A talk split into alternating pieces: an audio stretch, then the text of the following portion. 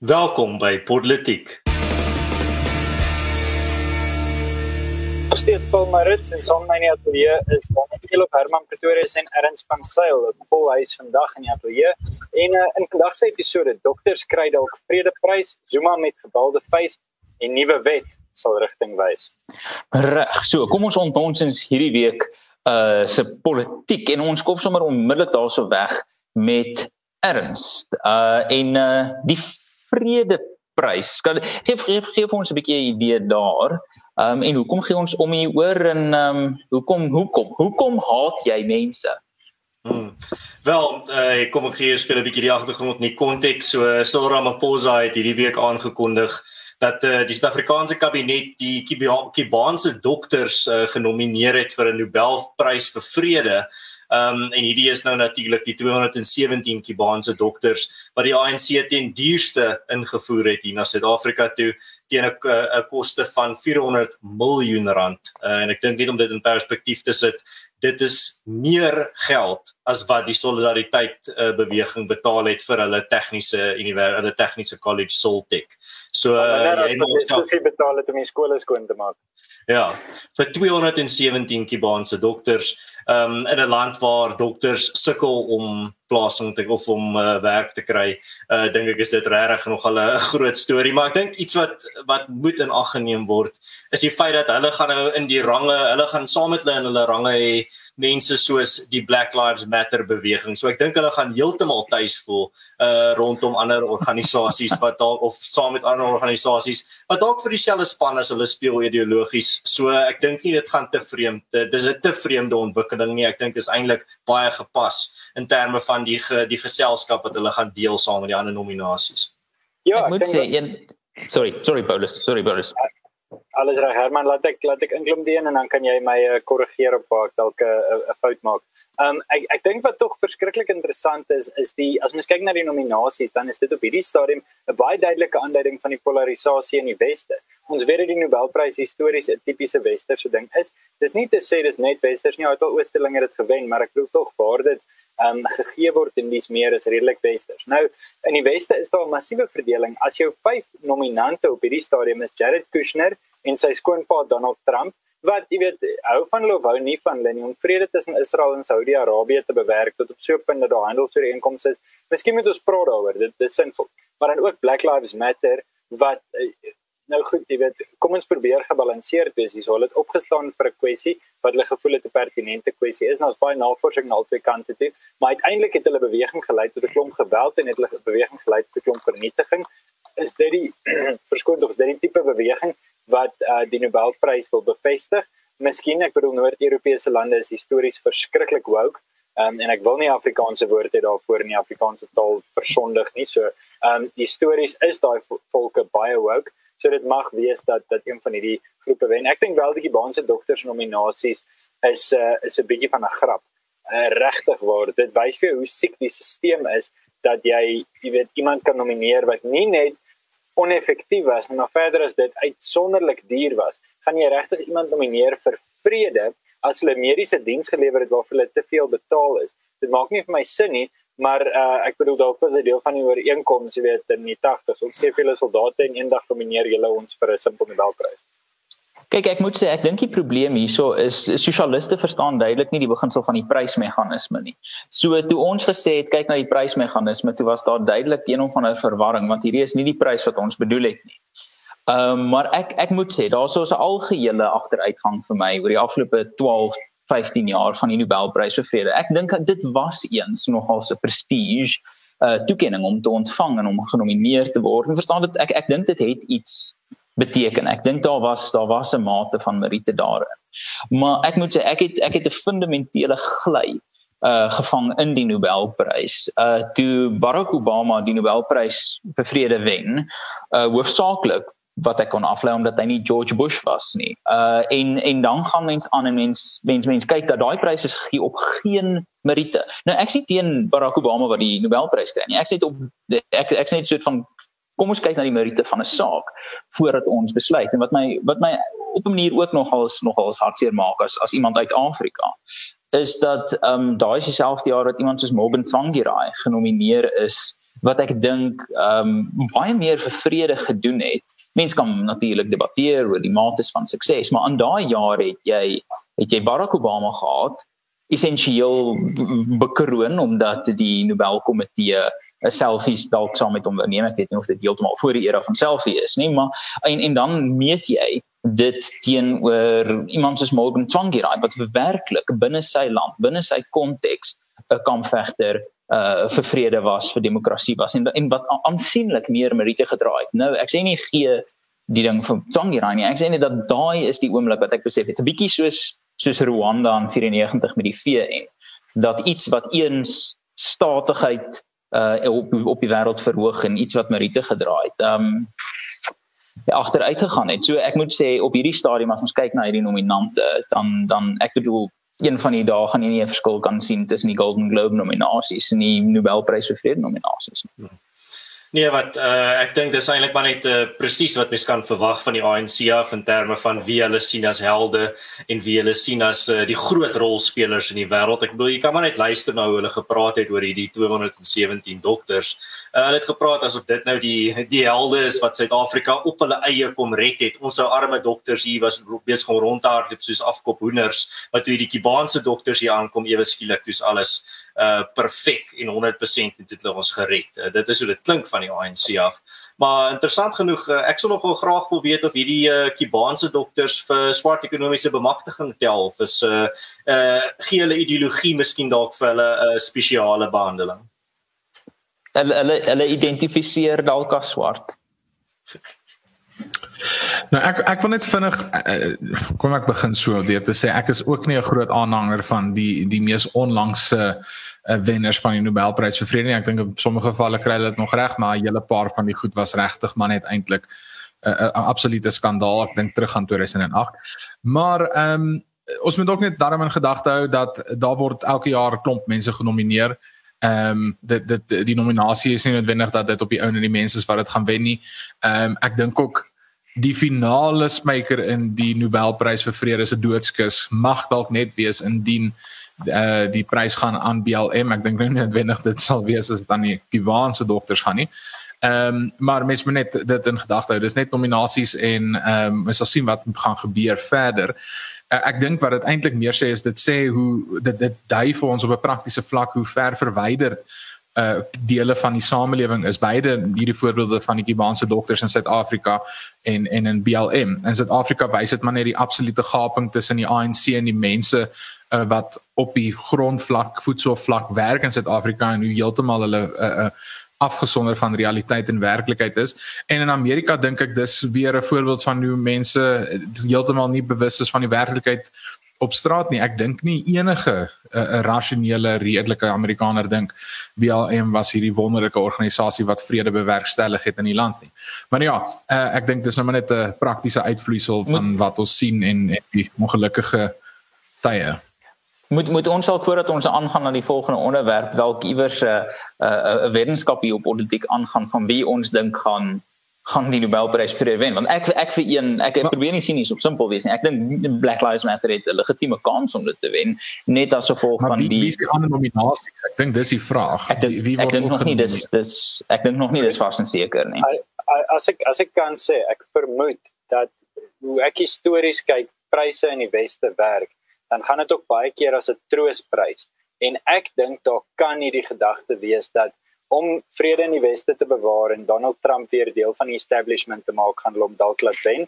Um ek ek dink die weste in Amerika het in 'n groot mate die dag toe hy die. Ja. verkiesing verloor het, het New York Times 'n stuk gepubliseer en sê hoe wonderlik Donald Trump se geleenthede in televisie en boeke nou is. Wat hulle doen is hulle probeer altyd om so as mens in Engels die term rogue factors kan gebruik om hulle in te trek deur pryse. Hulle het nie in 1938 vir Hitler Time Man of the Year gegee omdat hulle gedink het hy is oulik nie. Hulle wou hom deel van die vriendekring maak, hulle hom kan naby hou. En ek dink met die idee om 'n toekomstige selfs meer populistiese Trump uit te skakel, kan hulle vir hom 'n establishment prys gee. En ek dink in elk geval hy verdien dit, hy of Kushner, maar ek dink eerder hy. Um, maar ek stem met hulle saam, BLM is nie is nie absurde uh, raaiskoot. Kyk wie ek weet wie, wie ek weet al genomineer is is ek weet Greta is obviously genomineer al klaar. Ehm um, ek weet Jared Kushner is genomineer, ek weet Donald Trump is genomineer. Uh daai Russiese ehm um, oppositie Navalny of so. Uh, Navalny, ja, hy's Alexei Navalny. Hy's genomineer en dan die een wat ek my geld op moet sit. As jy nou sê ons moet 'n bietjie geld sit op een. Ehm um, kom ek begin net so die, die ek dink is absurd dat 'n Nobelprys vir vrede kan gaan aan bewegings of organisasies of groot goed soos dit. Ek dink dit water absoluut die prys af, maar nietemin. Ehm um, ek ek dink die geld gaan gaan ek ken 'n beweging wat die Nobelprys verdien. Dis de, Herman, jy slaan die spyker op die kop. Die WHO, die Wêreldgesondheidsorganisasie is genomineer en as ek my geld op enigiemand moet sit om dit te wen, is dit die WHO. Ons gaan heeltemal vir gerieflikheid sonhalwe vergeet dat hulle letterlik 'n jaar terug, 'n jaar terug met so net so 'n bietjie meer 'n jaar terug in 'n week het hulle gesê daar's geen tekens van COVID-19 wat van mens tot mens versprei nie. Ons weet nie waaroor bekommer enige mense nie. Dis glad nie 'n probleem nie. Moenie worry nie. China doen fine. Uh, ek dink ons gaan daarvan vergeet en almal gaan net sê hoe wonderlik was die wêreldgesondheidsorganisasie hierdie afgelope jare gewees. Ek dink jy's reg. Maar uh, ek ek moet sê soort van uh, dink jy Daniel, dink jy uh, iemand soos Jacob Zuma mag dalk ehm um, mag dalk genomineer word vir die Nobelprys hmm. vir vrede want lyk like my geen reëls is meer van toepassing op hom nie. Ja, nee natuurlik. Ek dink dis dis waarskynlik die dis die lekkerste nuus van die laaste maand of twee wat niks te doen het met COVID nie. Dis dis eintlik nog ons heerlik om bietjie ander ander soort nuus te hê. Uh ja, soos wat uh, meeste van ons uh, luisteraars en kykers beriggewing oor 'n ander virus. Ja, so 'n ander virus, die korrupsie virus. Ehm um, net so aansteeklik blykbaar as COVID. Inteendeel, ek dink dalk meer aansteeklik as COVID, maar nou ja. Ehm um, die die die agtergrond dink ek kan in net op is baie maklik om te verduidelik. Jacob Zuma moet vir die sondekommissie verskyn. Jacob Zuma wil dit vermy want daar gaan al sy skelm streke uh tentoongestel word uh en die sondekommissie is toe grondwetlike hof toe om hom uh aan te maan om voor die sondekommissie te verskyn en ten spyte van die grondwetlike hof se bevinding dat hy moet verskyn het Zuma het gesê wel ek gaan eenvoudig weier om daarin te gaan. Ek dink hierdie is natuurlik 'n ongelooflike groot toets uh vir klomp plekke vir eerstens uh, vir die ANC vir Suid-Afrika en vir ons politieke stelsel oor die algemeen en vir ons regstelsel oor die algemeen as iemand net kan uh, jy weet eenvoudig weier om deel te neem aan aan hierdie 'n behoorlike regserkende proses voorspel dit nie goeie goed vir ons land nie. So ons sal sien wat gaan gebeur. Ehm um, Zuma beweer natuurlik dat hy's nou die slagoffer, dis so klassiek, uh, daai daai tipe ding. Sodra die die die uh, boosdoeners uh begin sê hulle is die slagoffers dan moet jy weet hulle word nou in hoek ingedruk en ek dink dis wat hier gebeur. Zuma is net besig om te sê uh, uh dis 'n heksejag. Hulle probeer alles op hom pin en uh dis gaan nie verskyn nie want hierdie sondekommissie is illegitiem want dit is daarop uit om hom agter tralies te kry. Maar ek moet vir julle eerlik sê, die kans dat Jacob Zuma uh, die die die selfs net 'n uh, um uh, wat mis dit uh, handcuffs ek weet nie wat handcuffs moet in Afrikaans nie maar dit gaan ryk is absoluut al boeie handboeie. Die kans dat hy dit gaan ryk is baie skraal. Ek dink nie hy gaan naby eers aan selle kom nie. Nog wat praat ons eers van uh, arrestasie? So ek ek wil graag uh, weer 'n bietjie tree terugvat in en en ons ons het dis interessant ons drie week toe selfs ons uh, met met iemand oor politiek te sê ek ek het so 'n manier wat ek altyd so 'n bietjie tree wil terugvat. En dan wil ek nou eers bietjie oor die filosofiese gronde praat en dit is so maar dis hoe ek die wêreld ook verstaan en ehm um, dis baie interessant as 'n mens gaan kyk na die verskil tussen 'n demokrasie en 'n tirannie is altyd die manier hoe leiers hanteer word deur die deur die massas Ehm um, so wanneer jy hierdie persoon opgebou het om jou held te wees wat presies is wat met Zuma gebeur het in die laaste 20 jaar. Ehm um, en die persoon wil nie meer hou by jou reëls nie. Wat doen jy met hom? Want as jy hom gaan los dan word hy jou tiran. Nou ons het histories het ons gesê goed demokrasie het sy foute, maar ons gaan nie die foute aanspreek deur skeiding van mag, so jy te tree as politika of deur ehm um, jy weet een van 'n opleiding van deugte te hê vir jou leiers wat verpligtend is of wat ook al lande dan nou het. Uh die uitdaging is en dit is vir my die belangrike punt wat ons nou moet dophou. Die manier hoe ons Zuma gaan hanteer en inherent die ANC gaan hanteer wanneer hulle nie luister na wetgewing nie en dus hulle self as verhewe bo wetgewing beskou. Dit gaan 'n baie bepalende maatstaf wees van waar ons trek in terme van ons eie persoonlike vryheid en in terme van die gesondheid van ons demokrasie. As ons nie die vermoë het om 'n uh, openblote korrupte leier enigstens aanspreeklik te hou nie. Um, en goed as ons hom vir 30 jaar in die hof hou en is aansoek na aansoek en appel na appel, dan voel ek ten minste dis beter as niks. Dis beter as om ons skotvry te laat gaan. En is dit is dit die pad wat ons gaan loop? Ek weet nie noodwendig nie. Maar as Jacob Zuma skotvry hier sou uitloop, dan dink ek behoort dit vir ons um helder helder rooi vlaggies te wees dat dat ons demokrasie nie gesond is nie. Juis as gevolg daarvan dat ons nie geskiedenis al gesien het, die oomblik wat 'n leier nie aanspreeklik gehou kan word nie, val jou rule of law of met ander woorde jou oppergesag van die reg in Afrikaans val in mekaar en uh, en dis uiteindelik wat ons aan die gesig staan. Hmm. En uh, ek dink uh, julle het nou genoem dat uh, hierdie gaan 'n groot toets vir baie wees, 'n toets vir ons instellings, maar ek dink ook 'n baie groot toets vir wat ons hoor is dat baie mense sê hierdie gaan 'n groot toets wees vir Cyril Ramaphosa, maar ek dink ons weet al klaar wat die uitslag van daai toets gaan wees. Algesien ons net 'n uh, week of so wat terug het uh, Cyril uh, op sosiale media vir Jacob Zuma bedank dat hy deelgeneem het aan ek kan nie onthou een of ander vergadering of iets waar al die oud presidente bymekaar gekom het en hom eintlik met hom gepraat asof uh, van hom gepraat asof hy 'n ou vriend is van hom wat ons weet hy is.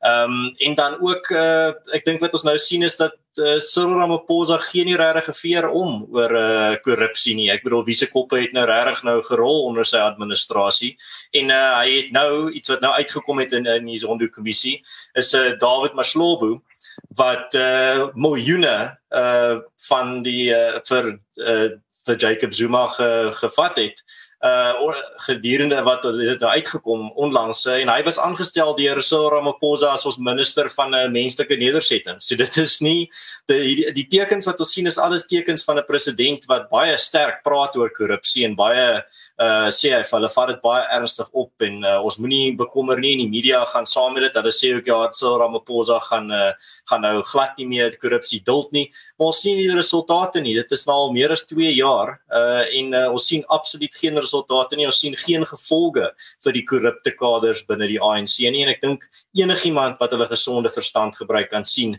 dat hierdie administrasie maak nie saak eintlik wie die gesig van die ANC is nie. Die ANC gee nie om oor korrupsie nie. Ek dink die meerderheid van mense verstaan dit. Daar's net 'n paar mense binne in die kommentariat wat dit net nog nie heeltemal gesnap het nie, lyk dit my. Kyk, Ernst, ek ek kan 'n bietjie van jou verskil in die sin dat ek dink die ANC gee baie om oor korrupsie. Dis dis dis baie baie baie belangrik vir hulle.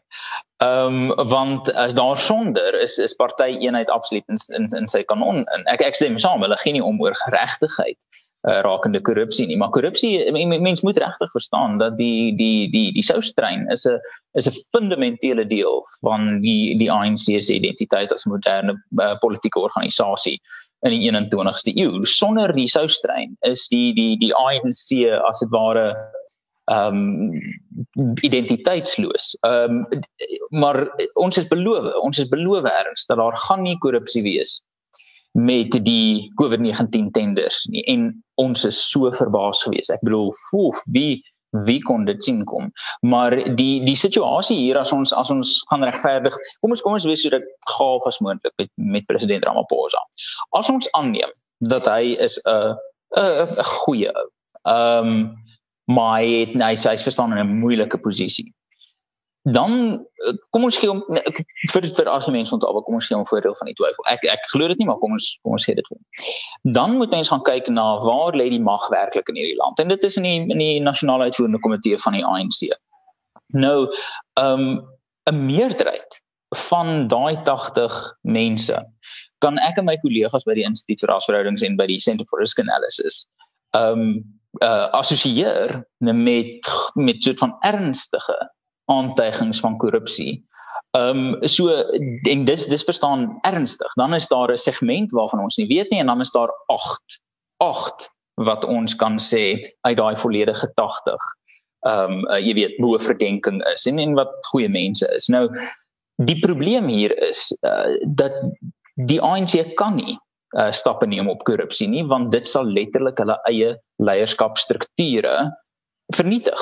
Ehm um, hulle sal uh, die meerderheid van hulle nasionale uitvoerende komitee, die magtigste entiteit in die land, uh, as ons na die reële politiek van die situasie gaan kyk, ehm um, sal waarskynlik helfte van hulle tronk toe gaan.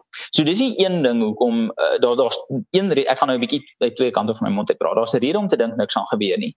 Dis die rede dat die ANC kan nie optree nie want as hulle optree vernietig hulle hulle eie uh strukture. Die rede om te dink dat daar mag dalk optrede wees is as ons gaan verstaan wat die ANC probeer bereik is dit die nasionaal demokratiese revolusie. Dit ek weet elke keer klink dit soos 'n samesweringsteorie as ek dit sê, maar verstaan dit is dis dis waar dis daar hulle hulle hulle jaarliks elke uh 5 jaar uh um, herverbind hulle hulle self tot die tot die nasionale demokratiese revolusie en Cyril Ramaphosa daarbey inkluis. En uh, die die dryfkrag van die NDR het op kritieke punte in die ANC geskiedenis gesorg dat problematiese figure geneutraliseer word.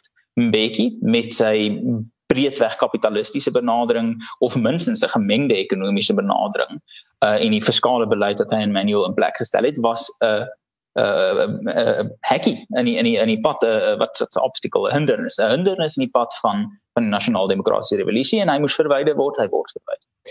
Uh Jacob Zuma aan die einde van sy presidentskap het besonder onpopulêr geraak tot so 'n mate dat hy die ANC se verkiesingskanse vir uh, 2019 begin beduiwel het. So vir die nasionaal-demokratiese revolusie om voort te te, te stuur um, um, moes hulle verwyder en hulle verwyder om toe. Ehm um, Ysmaga Shule ehm um, ver, uh, verstaan mag dalk die mees onlangse offerant word ehm um, op die altaar van die nasionaal-demokratiese revolusie. So die rede om te dink dat iets wel mag gebeur met meneer Zuma is dat die ANC ehm um, vir wat ook al hulle hulle werd is is is dalk regtig toegewyd aan die nasionale demokratiese revolusie en as hulle dink dat die vervolging van Zuma mag dit bevorder is dit die rede om te dink dat daar wel stappe geneem gaan word. Maar dan spring ek terug na die ander kant toe. En die rede hoekom ek tot die gevolgtrekking kom dat niks gaan gebeur nie is Jacob Zuma was essensieel die hoof van intelligensie intelligensiedienste van Gonto Wesizwe nou as daar een perd is wat weet waar al die geraamtes begrawe is en ook wie hulle daar begrawe het, dan is dit in Sholozi. Nou as mens daaraan dink, Mbeki, Mohlante, Zuma, Ramaphosa, almal van dieselfde generasie, almal tydgenote vir mekaar tot 'n mate.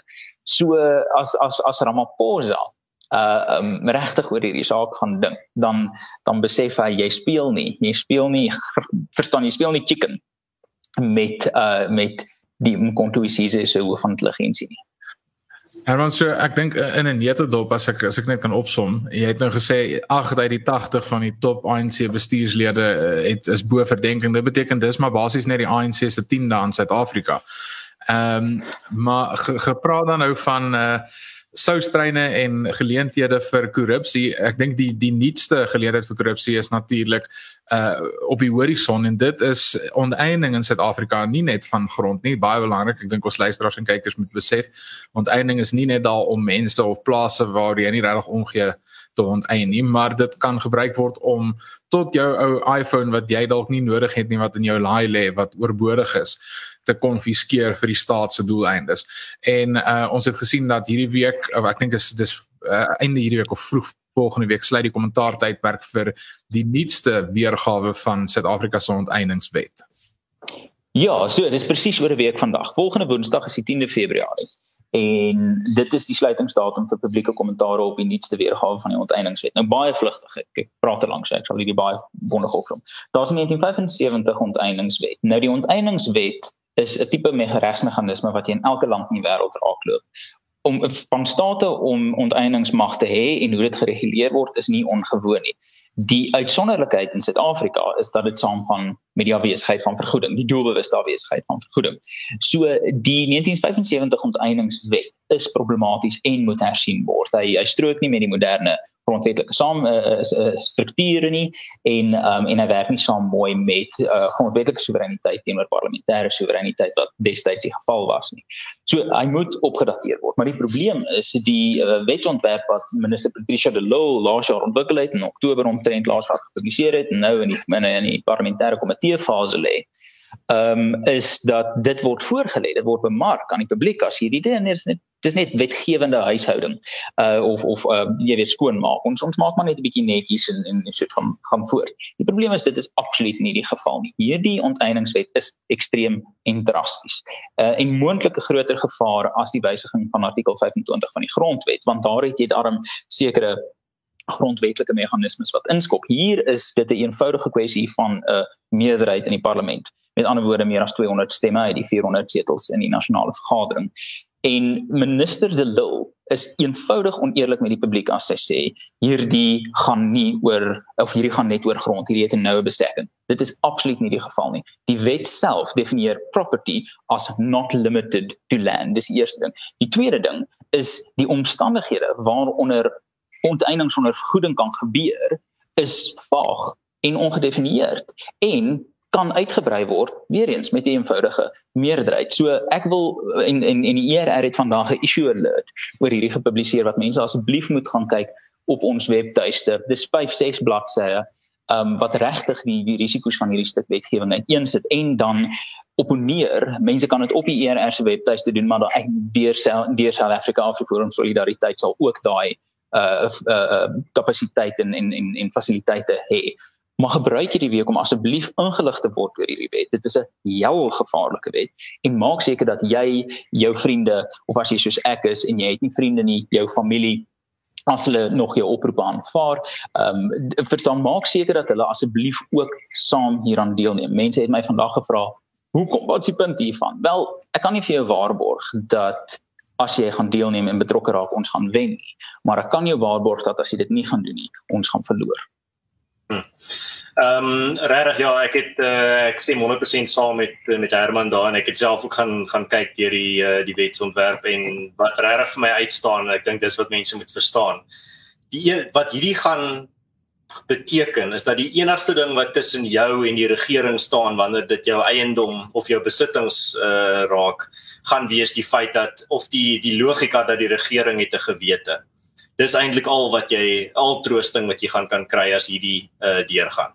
Ehm um, as hierdie wet deurgaan beteken dit dat hulle gaan enigiets van jou kan vat. Dit stop nie by grond nie, dit stop nie by plase nie.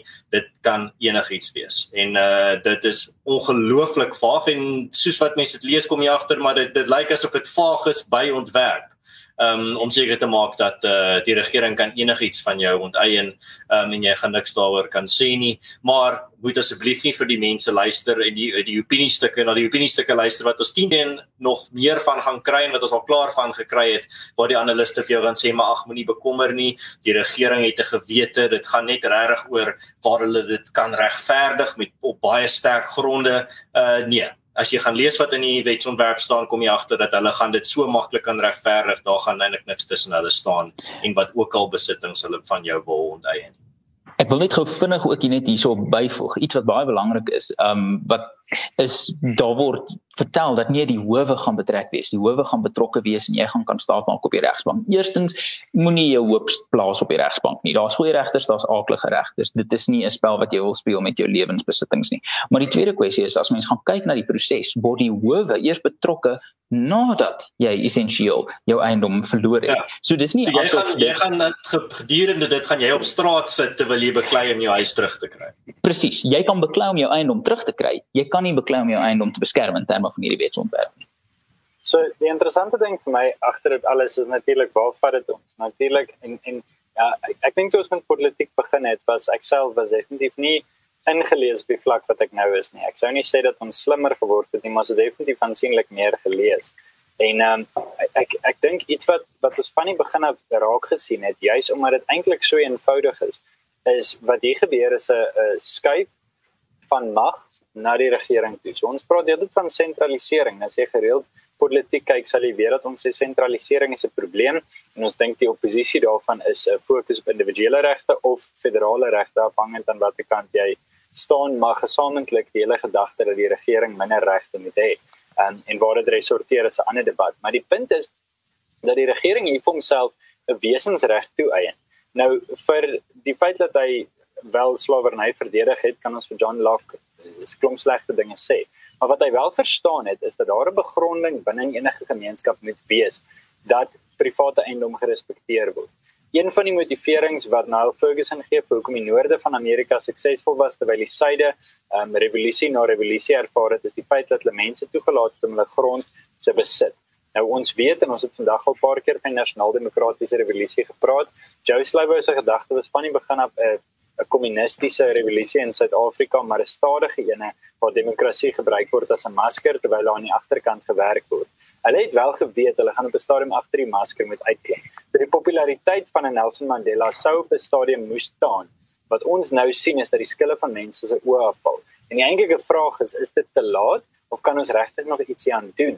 Want ja, ons kan dit teenstaan ja, dit moet ons doen. Dit gaan elkeen van ons instellings doen tot ons dan 'n stomp is. Maar uiteindelik moet ons besef dit is wat jou regering van jou dink. Hulle dink nie jy is bevoeg om jou eie grond te besit nie.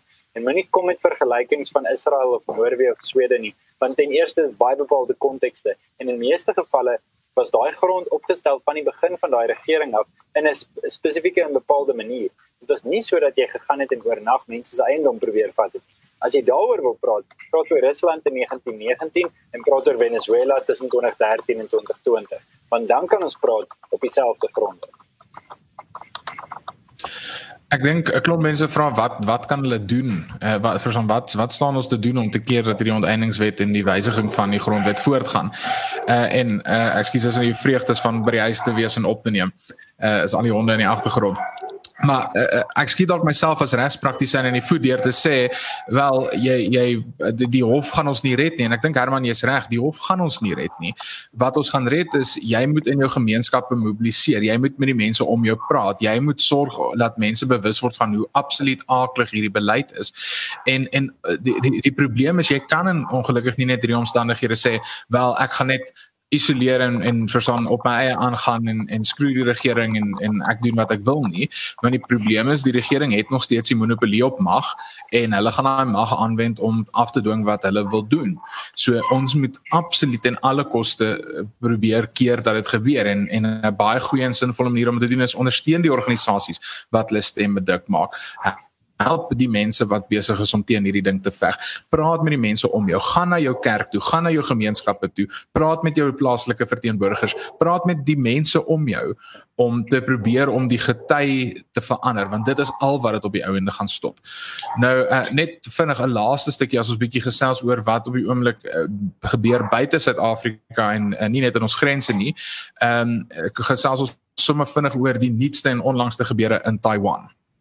Daniel, mag ek dalk net vinnig net ietsie daarso byvoeg, baie blitsig. Is laas jaar het ons deur het het ons in die ER by die ERD South Africa saamgewerk om 'n baie gevaarlike wet uh, wysigingswet uh, te keer. Ehm um, tot ons verbasing. Ehm um, so verstaan dis nie asof hierdie effekloos is om kommentaar te lewer nie, maar wat Daniel sê is absoluut reg. Dit gaan oor um, is, is is ons bereid om die klimaat van opinie te verander? Want soos ek gereeld mense herinner die die ANC het sy meerderheid in 2019 by die stembus gekry met net net meer as 10 miljoen stemme terwyl ons in 'n land is waar 35 miljoen mense stemgeregtig is. 'n afwesigheid van deelname result is is lei tot tot aardige beleid. So so uh, moenie terugkyk en sê ek moes meer gedoen ek moes iets gedoen het nie. Uh, raak betrokke raak ingelig raak aktief raak vokaal en en en word 'n voorstander, 'n publieke voorstander van van uh, van 'n beleid. Um, sorry, Paulus, jammer dat ek hier ry daar gespring het. Alles reg. Dankie Herman. Ek dink dit is baie waar wat jy sê en ek dink die hele rede kom ons met politiek begin het was om van die dakke af te skree en vir mense te sê doen iets en raak betrokke. En uh, as jy een van die mense is wat uh, danksy politiek so bietjie meer belangstel in die nuus en wat om jou aangaan, is ons dankbaar dat ons daai diens kon lewer. En um, ek ek gaan oor na internasionale storie toe en dit is eintlik vir my in 'n manier snaaks. Ons het laas jaar die tyd begin Februarie te sê ons hy wel hierdie COVID virus lyk like ernstig, hierdie China virus wat ons ook al altyd genoem het. En ehm um, nou is daar weer 'n storie in die in die suidooste van Asië wat ek dink ons met 'n fyn oog moet ophou en dit is die Taiwan-China konflik. Ek 'n bietjie agtergrond gee. Daar was natuurlik 'n nasionalistiese party in China in die 30s onder leiding van Chiang Kai-shek wat 'n revolusionêre golf verloor het teen Mao Zedong wat toe in 1994 die amptelike leier van die People's Republic of China geword het. Dit is natuurlik eers aansienlik later deur die weste erken danksy die Koue Oorlog, maar sedert 1949 is die ehm um, is daar die die skeiding waar jy 'n demokrasie het in Taiwan met die hoofstad Taipei uh en natuurlik tydens die Koue Oorlog was dit nie noodwendig so demokraties en vry soos wat dit vandag is nie, maar is vandag vir alle praktiese redes 'n westerse demokrasie. Hulle kan stem, hulle is baie funksioneel, baie produktief en hulle het baie vryheid. En dan het jy natuurlik China wat weier om hulle te erken, wat hulle beskou as 'n deel van van die groter China wat nie hulle onafhanklikheid wil erken nie en wat vir die Verenigde Nasies gesê het dat as Taiwan deel sal vorm van die Verenigde Nasies dan sal hulle wat China as dit verlaat en nie erken nie. Ehm um, nou sit ons in 'n geval waar China uh vir die laaste 5 dae uh vir die laaste 5 dae toenemend nader kom aan hulle grense en in die afgelope paar weke 'n uh, paar keer uh, in hulle lugruim bepaalde militêre oefeninge gehad het. En nou is daar 'n vraag wat gaan president Biden doen? Nou is my paar kwessies. Ek dink aan die een kant sien ek duidelik dat China baie meer respek vir president Trump se regering gehad het en ek dink dit besef hy gaan doen wat hy gesê het hy gaan doen. Um, en miskien was die Qasem Soleimani insident 'n bewys van dit. So hulle toets vir president Biden om te sien wat gaan hy doen? Gaan hy regtig vir Taiwan beskerm? En ek moet eerlik vir julle sê ek weet nie.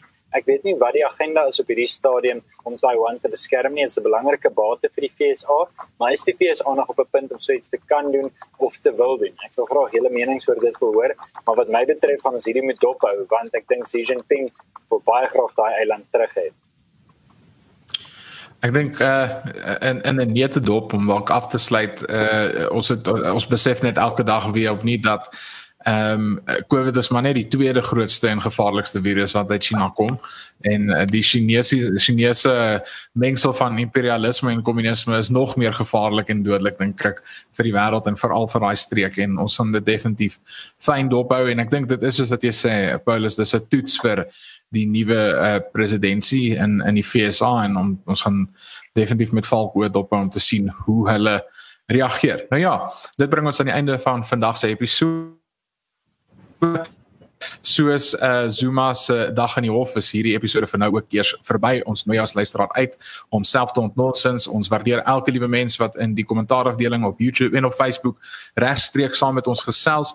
Dankie vir elke luisteraar wat uh, regstreeks inskakel en almal wat ook natuurlik die episode op hulle gunsteling podsending platforms luister. Uh jy kan ons gerus verder ondersteun deur uh, aan te teken op YouTube op aan jou gunsteling podsending platform. En uh, dan natuurlik as jy hou van wat ons doen los vir ons resensie met jou klagtes en gedagtes en op 'n laaste noot hou gerus vir politiek dop. Ons kom uh, in die volgende week of twee met nuwe opwindende uh, aankondigings wat politiek hopelik na hoër hoogtes toe nog hoër hoogtes toe gaan neem. En uh, op daai noot sê ons maar net dankie vir elke liewe een van julle wat getrou elke week inskakel. Dit sou nie moontlik gewees het sonder julle nie. Ons waardeer dit opreg baie